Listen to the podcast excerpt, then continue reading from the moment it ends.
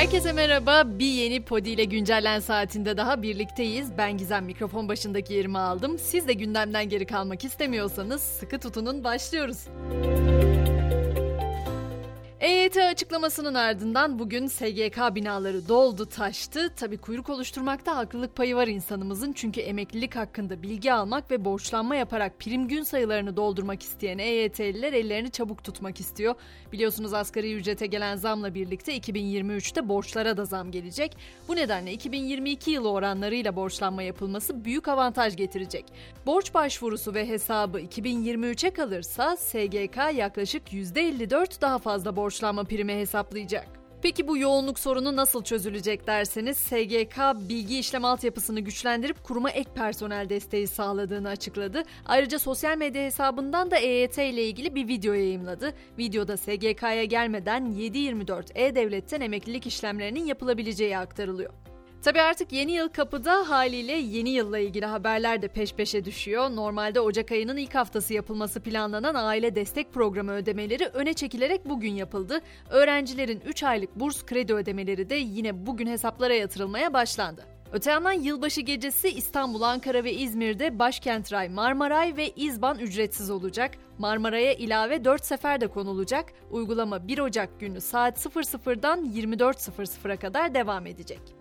Benim çocukluğumda bir alışveriş bir fiş diye bir slogan vardı. Şimdi benim yaptığım da bir iyi haber bir kötü haber gibi olacak. Önce kötüyle başlıyorum. İzmir'de toplu ulaşım %35 zamlandı. Tam biniş 8 lira 78 kuruş, öğrenci 3 lira oldu. Dolmuşta ise indi bindi ücreti 10 liraya yükseldi. İyi haberse İstanbullulara İstanbul'da konutlarda kullanılan doğalgaza yılbaşından sonra %12 indirim yapılacak. Yani kaba bir hesapla doğalgaz faturasını 1000 lira civarında ödeyen bir vatandaş yapılacak indirimle birlikte 879 lira civarında ödeyecek.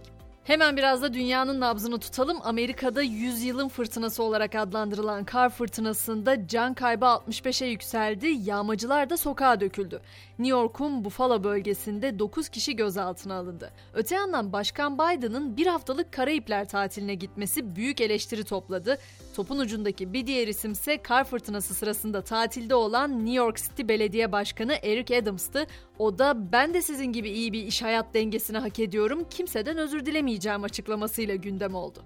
Pandemi ne zamandır gündemin arka planında kalmış olsa da Çin'in kapıları açmasıyla panik havası tekrar başladı. Yurt dışı seyahat kısıtlamalarını kaldıran Çin 8 Ocak'tan itibaren uluslararası uçuşlarda sefer ve yolcu sayısı kısıtlamalarını da kaldıracak. Ama Çin'den gelen yolculara Covid-19 testi zorunluluğu getiren ülkelere Amerika Birleşik Devletleri de eklendi. Pekin yönetiminin 3 yıl aradan sonra sınırlarını açma kararı alması sonrası Japonya, Malezya, Tayvan, Hindistan ve İtalya da aynı kararı almıştı. Avrupa'da ise malum enerji krizi gündemde. Fransa'da yeni bir karar var. Hükümet ısınma için odun yardımı başlattı. Evlerini odunla ısıtan haneler 50 ila 200 euro arasındaki devlet yardımına başvurabilecek. Bugün bir de sosyal medyanın çokça konuştuğu bir haber vardı. O da Adriana Lima, dünyaca ünlü model doğum yaptıktan 4 ay sonra podyumlara döndü. Katar'da düzenlenen bir etkinlikte podyuma çıktı. Ama Adriana Lima'nın son hali şaşırttı çünkü doğum kilolarını henüz verememişti.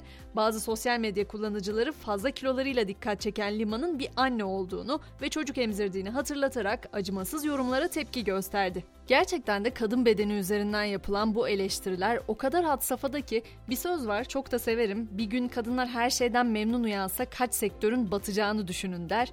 Hakikaten insanlar kilolu, zayıf, yaşlı ya da genç olmasına bakılmaksızın kadın kadındır ve güzeldir. Konu da bu kadar basittir. Geçiyorum film dünyasına, Marvel evrenine. Marvel Studios, Spider-Man, Iron Man, Thor, Doctor Strange gibi popüler karakterlerin yaratıcısı Stan Lee'nin 100. doğum günü şerefine Stan Lee belgeselini duyurdu. Marvel'ın ikonik çizgi roman yazarının belgeseli önümüzdeki yıl Disney Plus üzerinden izleyiciyle buluşacak. Spor dünyasında ise gözler saat itibarıyla Sivas Spor Galatasaray maçında maç hala devam ediyor. 16. haftanın bu akşam bir diğer öne çıkan karşılaşması ise Beşiktaş'la Adana Demirspor arasında oynanacak. O maçın başlama saati de 20 olacak.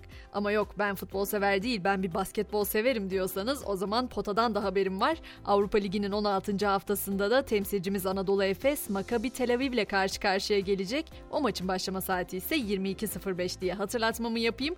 Böylece akşam güncellenmemizi burada noktalamış olalım. Sabah 7 itibariyle ben yine buradayım. Tabii ki sizi de bekliyor olacağım. Görüşünceye kadar hoşçakalın.